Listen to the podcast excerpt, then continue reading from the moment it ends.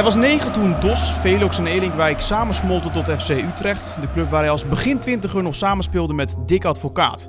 Tegenwoordig mag hij zich ambassadeur van FC Utrecht noemen. Ik heb het over niemand minder dan clubicoon Gert Kruis. Hallo. Ja, clubicoon mag je eigenlijk wel zo noemen, vind jij? Ja, dat, dat, ja dat, dat, daar moet ik toch altijd nog wel aan wennen. Want volgens mij eh, ben ik eh, gewoon Gert Kruis, eh, ooit supporter van, van deze club. En nu werkzaam als ambassadeur. Dan, en dat vind ik ook heel erg leuk om te doen. Maar club-icoon, dat vind ik, ja, dat klinkt zo, hoe moet ik het zeggen? Aangedikt. Ja, ja, ja, ja. ja. We zitten hier nu in het stadion. zo kunnen we stellen van echt jouw club, hè?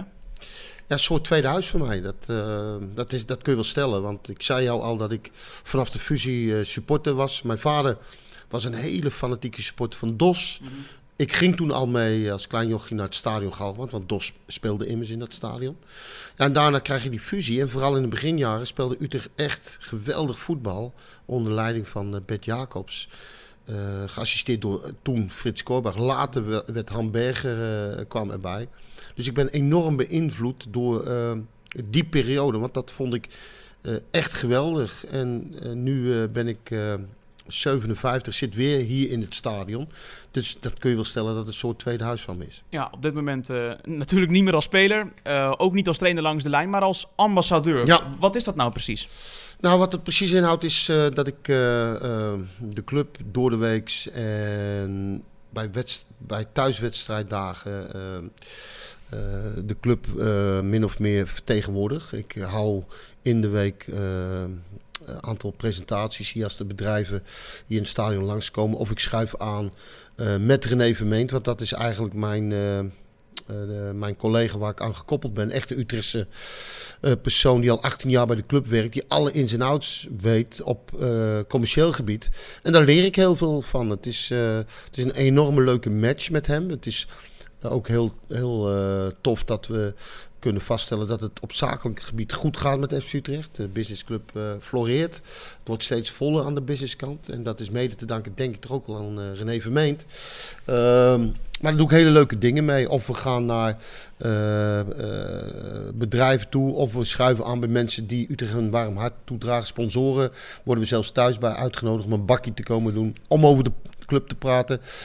En dan praten we eerst drie kwartier over voetbal. En daarna moet er nog een, een deal gemaakt worden. En dat is binnen tien minuten voor elkaar. Ja, wat heeft het jou uh, tot nu toe opgeleverd, persoonlijk? Het is een verrijking van mij uh, kennis. Ik, heb altijd, ik ben natuurlijk uh, profvoetballer geweest. Daarna word je trainen. ik heb ooit mijn HAVO-diploma gehad. Maar ik had één doel om profvoetballer te worden. Uh, maar als trainer en, en voetballer, profvoetballer, ben je natuurlijk helemaal gefocust op dat ene ding. Nu zie ik ook een andere kant van het voetbal. En dat is dus een verrijking van mijn kennis. ik ontmoet ook een heleboel mensen die FC Utrecht een warm hart toedragen. Of ik ontmoet ook heel veel mensen die zich dan zorgen maken over de ontwikkeling van het team. En dat is ook wel vanaf de andere kant te zien ook wel eens heel erg leuk. Ja, um als we zo kijken naar, uh, naar jou als persoon, jij bent inmiddels aardig gewend aan de businessclub, kunnen we stellen. Ja. Zijn de mensen ook al aan jou gewend? Ik heb me wel uh, mijn uh, rol gevonden en ik voel me wel als een vis in het water. En ik denk de mensen ook wel, want ik ken nu een hele hoop mensen persoonlijk ook. Die had ik natuurlijk wel eens gezien in, mijn hoedanigheid als oudspeler of als analist. Waar ik ook wel eens natuurlijk in de ruimtes verbleef. Maar ik heb met een aantal mensen een goede band opgebouwd. En dat is, uh, dat is ook wel het mooie van deze rol. Wat kun jij meer of anders brengen dan wie dan ook uh, anders bij je FC Utrecht Business? Nou ja, allereerst heb ik natuurlijk meegemaakt hoe het hier is als speler. Dus ik weet van als het goed gaat hier, hoe het is. Dat weet jij nu ook een klein beetje. Dan kan alles. Dan ben je een held voor iedereen. Ook, uh, ook jij bent dat een beetje. Ja? nou, dat weet ik niet. Maar maar als speler maak je dat mee. Maar je, je maakt pieken en dalen mee. Ik heb Europees voetbal meegemaakt, maar ik heb ook wel eens wedstrijden gehad. We speelden natuurlijk verschrikkelijk slecht. En dan kan het publiek meedogenloos zijn.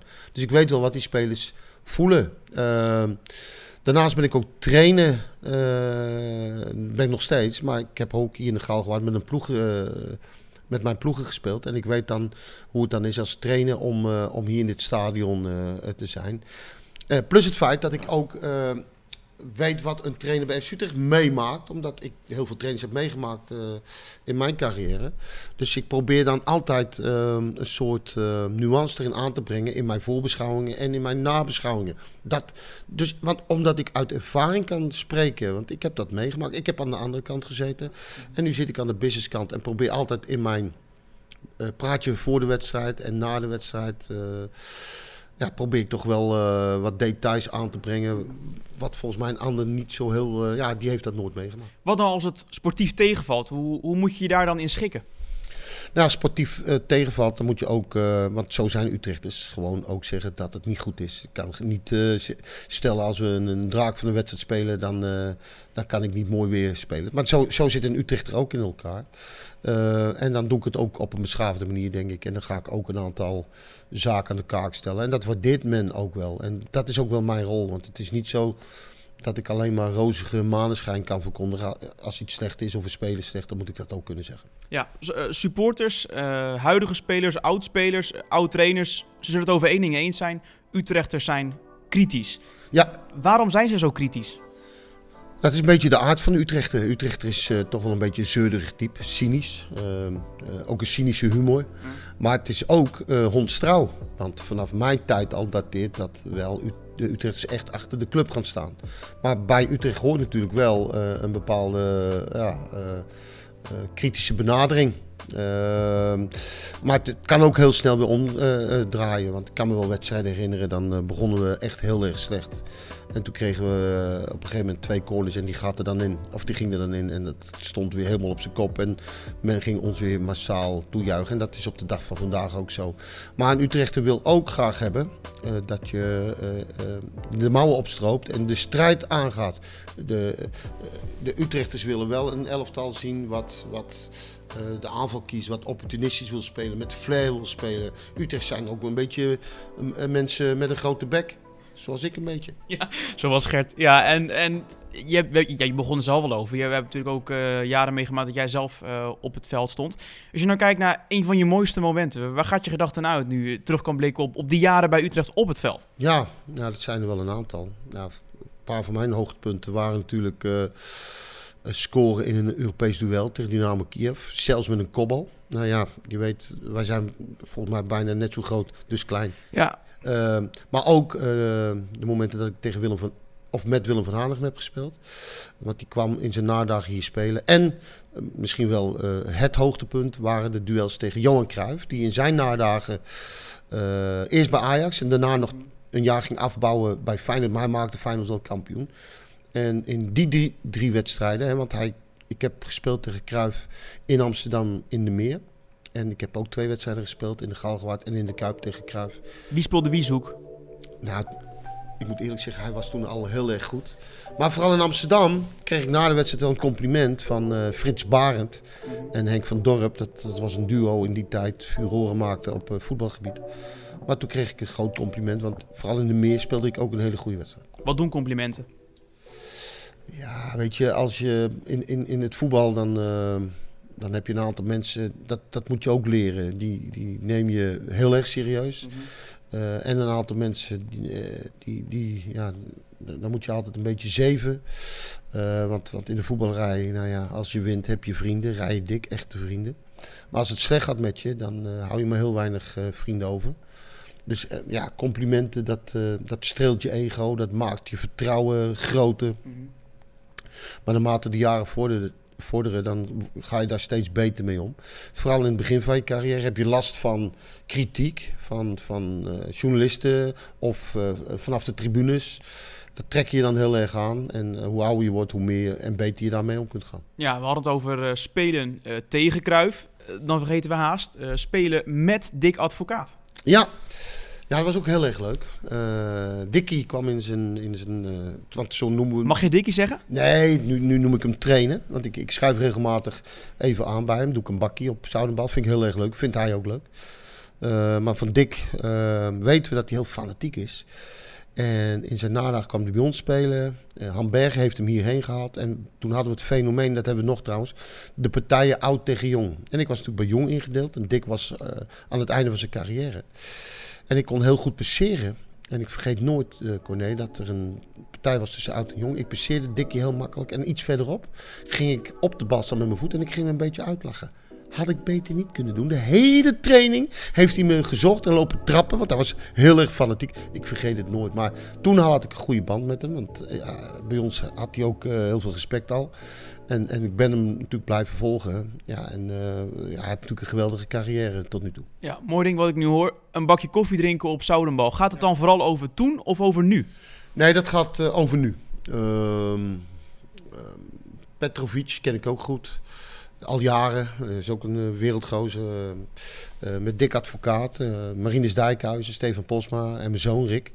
En af en toe uh, uh, schuif ik heel even aan bij Dick. Gewoon vrijblijvend. En dat vind ik ook heel erg leuk. Maar dan gaat het natuurlijk over, uh, over voetbal. En dan gaat het natuurlijk ook over de komende tegenstander. En, nou, dan, maar dat is maar heel kort. En, want dan laat ik ze weer met rust. Want er moet gewerkt worden.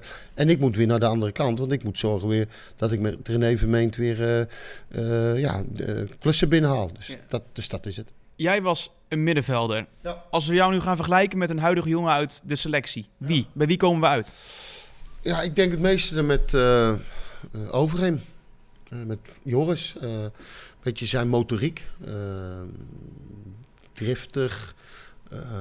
pitbullachtig. maar ik, ik, ik speelde wat meer aanvallend. Dat was hij ook van origine. Wat aanvallend ingestelde middenvelder. ik, ik werd altijd geholpen natuurlijk door Jan Wouters en Frans Adelaar. Wij waren uh, met z'n drie complementair.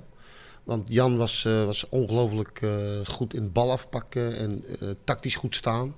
Positioneel fantastisch. Frans Adelaar had een geweldig linkerbeen. En die had het oog voor de crossbal en het schot van afstand. En ik was de man die ehm, de meest aanvallende, die dan ook een steekbal had of met mijn loopacties voor gevaar kon zorgen. En als je dan kijkt dus nogmaals naar deze samenstelling uh, bij FC Utrecht, dan lijkt het meeste denk ik op Joris van Over. Ja. Ben jij op zoek naar een leuke stage of wil je als vrijwilliger je steentje bijdragen aan FC Utrecht? We zijn voortdurend op zoek naar versterkingen. Kijk voor een overzicht van de actuele vacatures op www.fcutrecht.onlinevacatures.nl. De allerbeste FC Utrecht deals scoor je in de FC Utrecht webshop. Of je nu op zoek bent naar wedstrijdtenues, trainingskleding, artikelen uit de stoere casual lijn, een sjaal, een pet of een muts, je vindt het op www.fcutrecht.nl slash webshop. Als je straks een momentje hebt, abonneer je dan ook zeker even op het YouTube kanaal van FC Utrecht. Volg FC Utrecht op Twitter. Like onze pagina op Facebook. En volg FC Utrecht op Instagram. Zo blijf je elke dag en op alle mogelijke manieren op de hoogte van wat er speelt bij FC Utrecht. Jij uh, kijkt nu bijna alle wedstrijden, zo niet alles van FC Utrecht. Zit je op de tribune als, als een trainer, uh, als een supporter? Hoe, hoe, voel jij het? Ja, eigenlijk als, gewoon als uh, analist. Ik, ik kijk heel erg, want daar heeft René van den Berg mij voor gevraagd hoe de teams ten opzichte van elkaar staan. Waar kunnen de valkuilen zitten? Wat, wat, wat zijn de, uh, waar zitten de kansen en bedreigingen voor FC Utrecht? Uh, zo zit ik te kijken. Ik, probeer uh, in de week wel eens naar een training te kijken. René van den Berg doet dat veel meer, omdat hij veel meer tijd heeft daarvoor. Dus die ziet heel veel trainingen. dus zo zit ik eigenlijk te kijken. maar ik heb ook een soort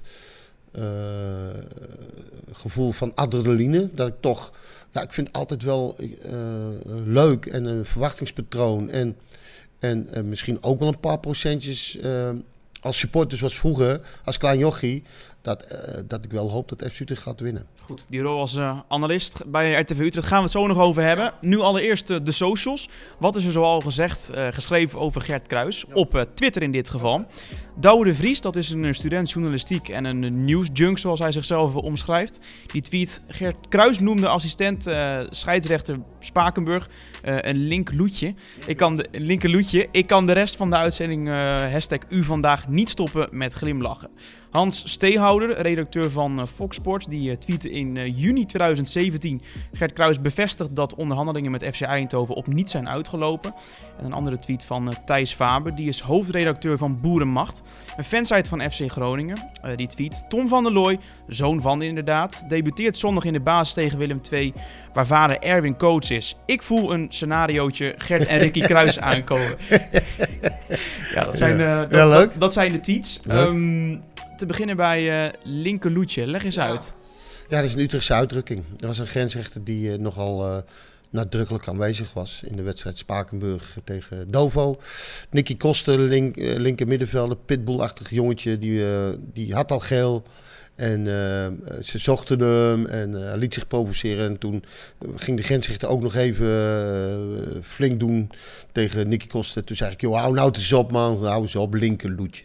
Nou, dat mocht ik niet zeggen. Want toen moest ik naar de tribune. Dus dat, dat is een, nogmaals een Utrechtse uitdrukking. En de, de grensrechter kon, die kon dat niet waarderen. Hoort het ook bij een Utrechter om dat dan ook te uiten? Dat denk ik wel. Het is toch ook een beetje de soort flair, brutaliteit die bij ons zit. En vooral als, als uh, een, uh, een, speler van mij. Uh, ik wilde hem gewoon helpen. Ik had het beter niet kunnen doen. Ja, dat beter niet kunnen doen. Nee. nee en die, die rol bij, bij Dovo nu, want ja. daar ben je inderdaad trainer. Hoe is dat? Want het is niet het betaalde voetbal, het is de derde divisie. Ja. Ja, dat is een keuze die ik heb, uh, ben gaan maken. Want uh, in combinatie met analistenwerk, met werkzaamheden FC Utrecht... en ik heb ook nog een eigen voetbalschool... Uh, heb ik die keuze gemaakt om mijn carrière als hoofdtrainer op een iets lager niveau te gaan doen... Uh, maar ik ben nog steeds zeer ambitieus en ik vind het ook heel erg leuk om te werken met Dovo. En ik werk ook naar alle, met alle plezier en naar alle tevredenheid. Ik zit in mijn derde jaar, ik heb hierna nog een jaar en dat wil ik gewoon uh, goed afmaken. En ik ben hartstikke gebrand om uh, ook met Dovo nog ja, zo hoog mogelijk te eindigen. In hoeverre kan voldoening uit het trainerschap afhangen van het niveau waar je werkt? Nou, ik, ja, dat is ook wel zo. Ik heb wel eens dat ik denk, jeetje man, uh, dat snap je toch wel. Of dan zie ik uh, momenten dat ik denk, hoe kan dat nou? Maar dat, dat moet je wel uh, accepteren. Want ik heb in de Eredivisie gewerkt. met ploegen die er al alles aan deden om erin te blijven. Ik heb, ben kampioen geworden in de, in de Eerste Divisie een keer met FC Den Bosch. Mm -hmm. Dus dat, die niveaus heb ik gehaald. En nu met Dovo ben ik een keer gepromoveerd. Dat vond ik ook fantastisch. Hè? Nog mooie wedstrijden. Hè? Dat, heb, jij, heb je ook nog eens gezien. Maar ja, ik, ik heb dat wel geaccepteerd. Dat er een bepaalde grens aan zit. En ik, en ik vind ook wel weer mijn voldoening in die derde divisie. Ja, maar toch ben en blijf je ambitieus. Want ja. je naam is wel eens genoemd bij Os. nou ja, een tweet uit 2017, Eindhoven het is dus niet een, uh, gesloten boek, dat betaalde voetbal. Nee, nee als er nog een uh, mooi avontuur zich aandient, dan sta ik er zeker open voor. Nou ja, met uh, Topos heb ik een paar keer gesproken. en dan wilden ze me een soort, en dat vond ik ook al heel erg leuk hoor, een soort Engels manager. Dan zou de hoofdtrainer, dan zou ik een paar keer in de week bij de hoofdtrainer zijn, hem feedback geven. Goede trainer trouwens, Klaas. Klaas wie? Klaas Wils heet hij toch? Ja, die trainer. En ik heb met Eindhoven gesproken met Tjöla Ling. Die had een. En ik weet niet of hij nog een aandeel heeft in Eindhoven. Om daar hoofdtrainer te worden. En uh, nou, daar heb ik, heb ik sterk over nagedacht. En uiteindelijk zijn we er niet uitgekomen. Want daar zag ik wel heel veel potentie in. Maar uiteindelijk is dat niet gelukt. Ja, je hoeft natuurlijk niet in, in geur en kleur allemaal te vertellen waarom zoiets afketst. Maar is dat uh, bijvoorbeeld spelersbudget? Uh... Ja, nou ja, in mijn geval uh, was het door de maar éénjarige overeenkomst. En het andere was ook wel een financieel plaatje. Want ik doe nu een aantal dingen. en ik wilde dat ja, eigenlijk voor één jaar niet doen. Dus het ging meer over de contractduur. Ja, de, inderdaad het, het principe hoe lang je uh, een traject aan kunt gaan bij een club. Ja, ik denk dat, uh, dat als je met een trainer uh, in zee gaat, dat het wel minimaal voor twee jaar moet, moet, moet zijn. Tenminste, dat heb ik bijna overal altijd gedaan. We gaan naar de, de dilemma's. eens of oneens. Mijn uitstapje als speler naar RKC in het seizoen 86-87 zou ik het liefst van mijn cv willen wissen. Oneens. Ricky gaat een grotere trainer worden dan ik. Eens. Ik ben gekleurd als analist en tafelheer bij RTV Utrecht. Eens. We beginnen bij het uh, uitstapje uh, naar de RKC Waalwijk. Uh, hoe kwam dat tot stand? Ik had het niet willen missen. Ik, ik had zware blessure opgelopen bij FC Utrecht. dat heeft uiteindelijk ook mijn carrière gekost. Maar ik kon niet uh, goed op mijn niveau terugkomen. En toen leek het erop alsof ik bij Utrecht dan wel, dan niet zou spelen. Leo Verveen was op dat moment trainer bij RKC. En die heeft me gevraagd om naar RKC te komen. Dat was ook weer een verrijking van mijn ja, leven. Want ik heb het daar heel erg leuk gehad. Onder moeilijke omstandigheden deed Leo Verveen dat echt geweldig. En na een half jaar werd Willem van Hanegem als assistent bij Nol de neergezet. En het was Willem die mij teruggehaald heeft. Dus ik, ik heb dat van het half jaar genoten bij RKC. En ik ben teruggekeerd bij Utrecht en heb ervoor gezorgd samen met Willem van Hanegem, Nol de Ruiten, Erik Willards, John Verloen, dat team hadden we nog Europees voetbal. Dus het was eigenlijk een geweldig jaar. Ja, je hebt het al over een uh, uh, flinke blessure, waardoor je misschien niet uh, alles eruit hebt kunnen halen.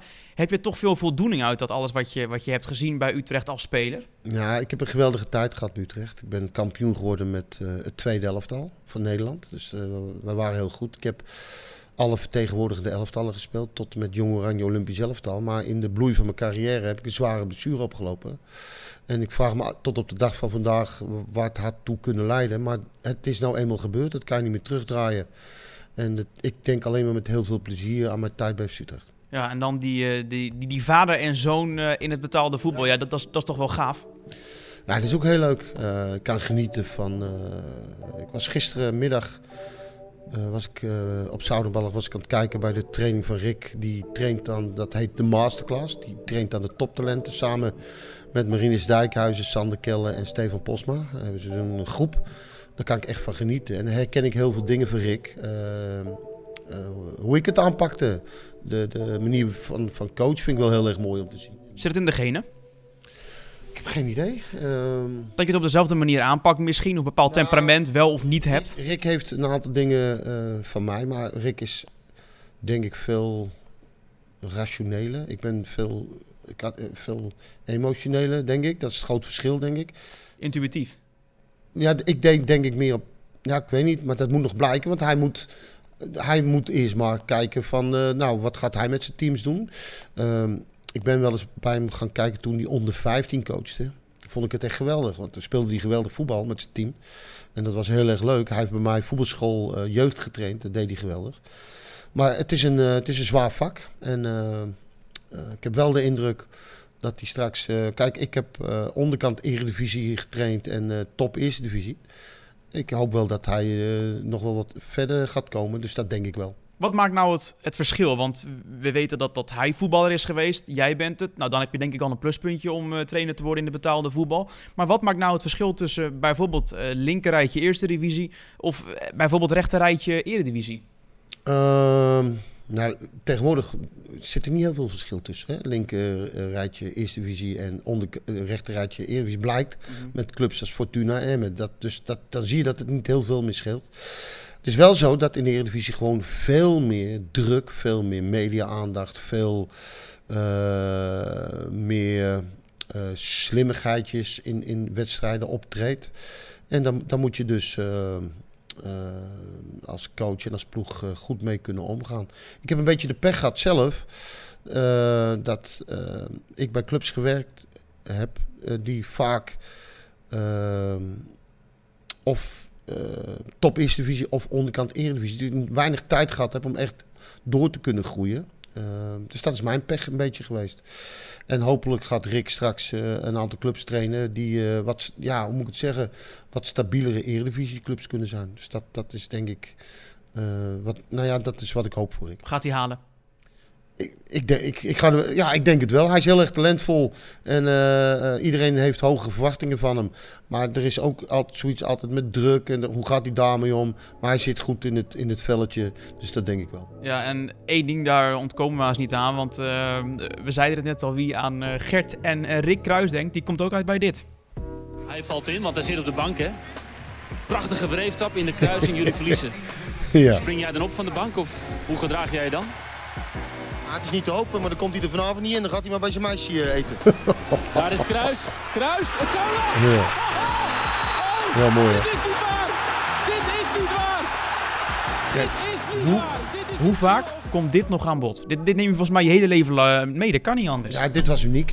Is uniek. En, uh, we hadden dit keer weer de thuiswedstrijd FC tegen de Graafschap. En hoeveel mensen mij dan niet daarmee confronteren. Dat was natuurlijk echt ongelooflijk veel. Maar het is ook een unieke gebeurtenis. Omdat, nou ja, je, je, je gaf het moment al aan. Voor de wedstrijd eh, verklaar ik op camera eh, bij Jan Roels van het zal toch niet gebeuren dat hij gaat invallen en de winnende maakt. En het werd ook bewaarheid. En dat is natuurlijk uniek te noemen, want het is al uniek denk ik als een zoon tegen een vader speelt, maar dat de, dan de winnende goal uh, gemaakt wordt. Het blijft ook bij 1-0. Dat, maakt het hele, helemaal bijzonder. Wat spookt er allemaal door jouw hoofd als jij in die dugout zit en ziet dat hij dat doet? Ja, dan gaat er van alles door je heen. Dan heb je mixed feelings. Want dan, dan, dan denk je enerzijds van wat ongelooflijk trots ben je dan op uh, een jonge speler, jouw zoon die een geweldige goal maakt. Alleen één nadeel, het is tegen je eigen ploeg. Die jongens waar je de hele week mee werkt. En ze gingen diep, de graafschap. Deden er alles aan om in die wedstrijd de punten eruit te slepen. En dan sta je met lege handen. Dus gewoon een heel erg dubbel gevoel.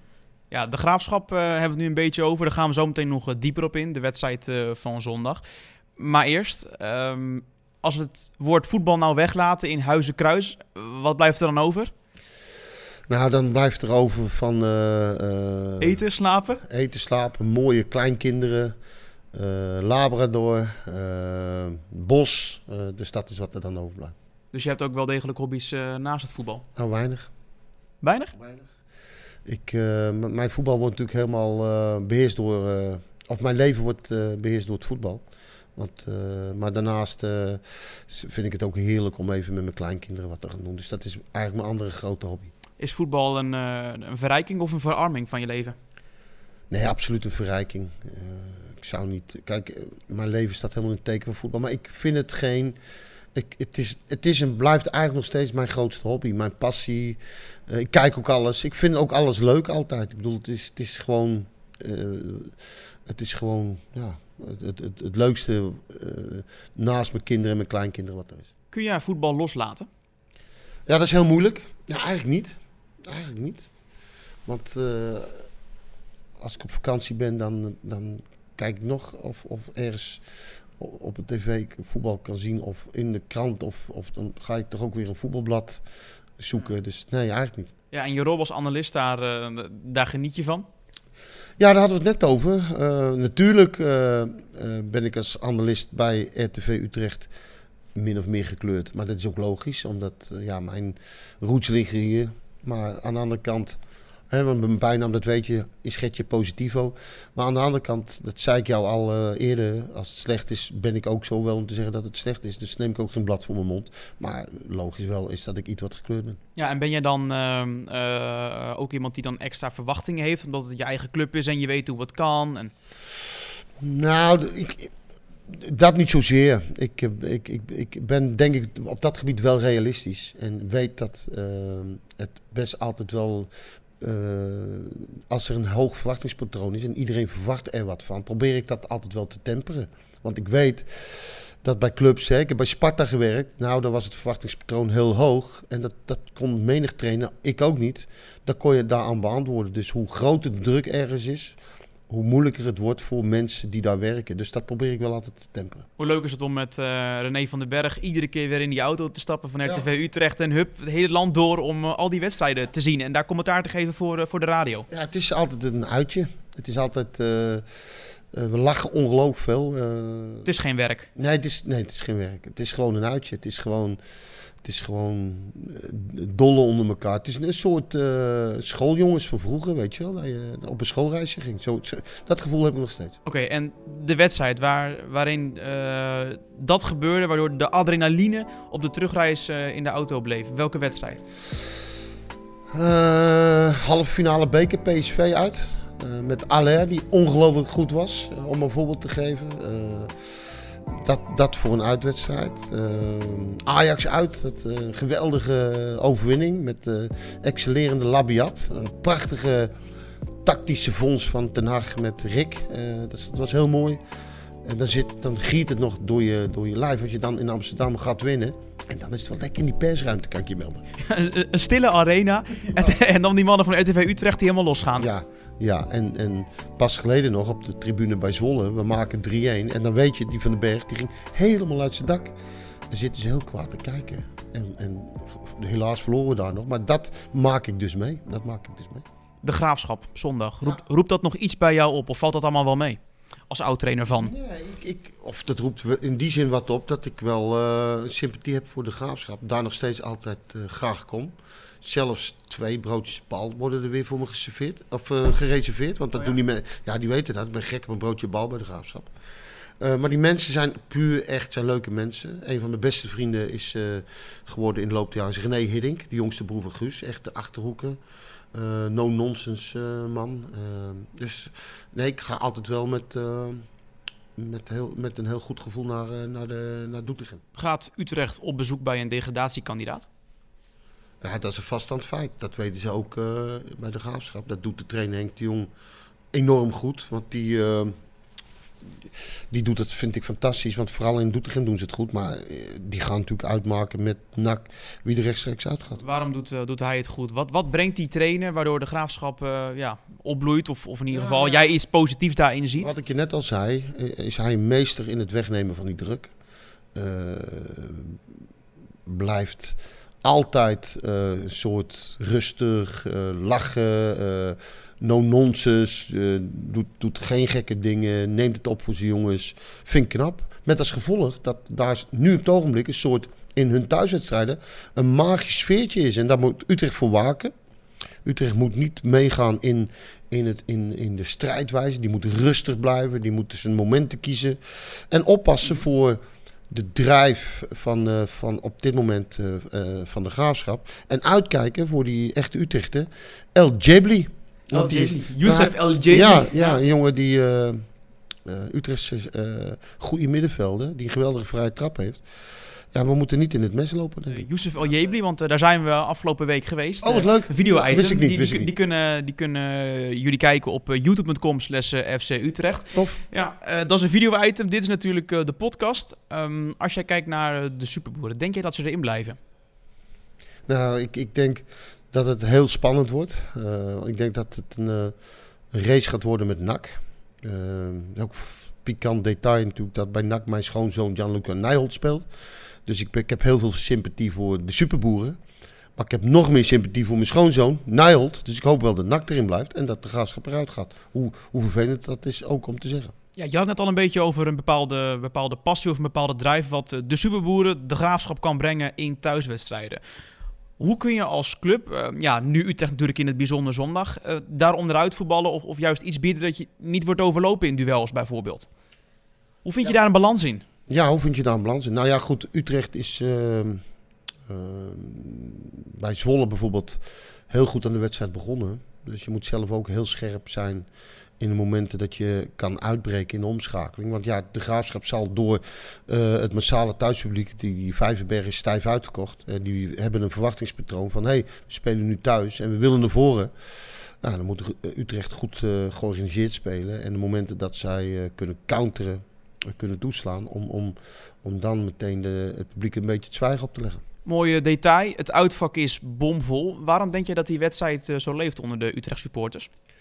Nou, omdat Utrecht supporters ook eh, eh, dat een hele leuke eh, wedstrijd vinden. Leuk stadion vinden. Afstand technisch goed te doen.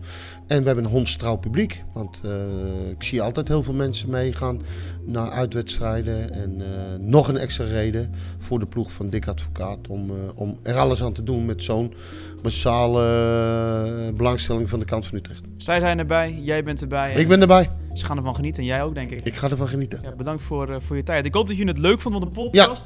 Ja. die waren er in, eh, in jouw tijd in het verleden natuurlijk nog niet. Of, Het eh, Het vloog voorbij. Ik vind het leuk om te doen. ja, nee, ik vond het tof dat jij tijd vrij kon maken om te praten over vroeger, over nu, over de toekomst. Ja. Ja. Nee, ik vond het zelf ook heel erg leuk. Nou, Bedankt voor het gesprek. Ja, tuurlijk. Super om te horen. En jij als luisteraar ook. leuk dat jij weer was bij de FC Utrecht podcast. Het is altijd mogelijk om mee te denken over onze rubriek. Dat eh, kun jij doen door eh, te mailen naar social media fcutrecht.nl of op Twitter een eh, tweet te plaatsen met de hashtag FC Utrecht Podcast. Dan kun je laten weten met welke personen wij bijvoorbeeld moeten spreken of welke onderwerpen wij moeten behandelen. Vanuit Stadion Galgenwaard, bedankt voor het luisteren en heel graag tot de volgende.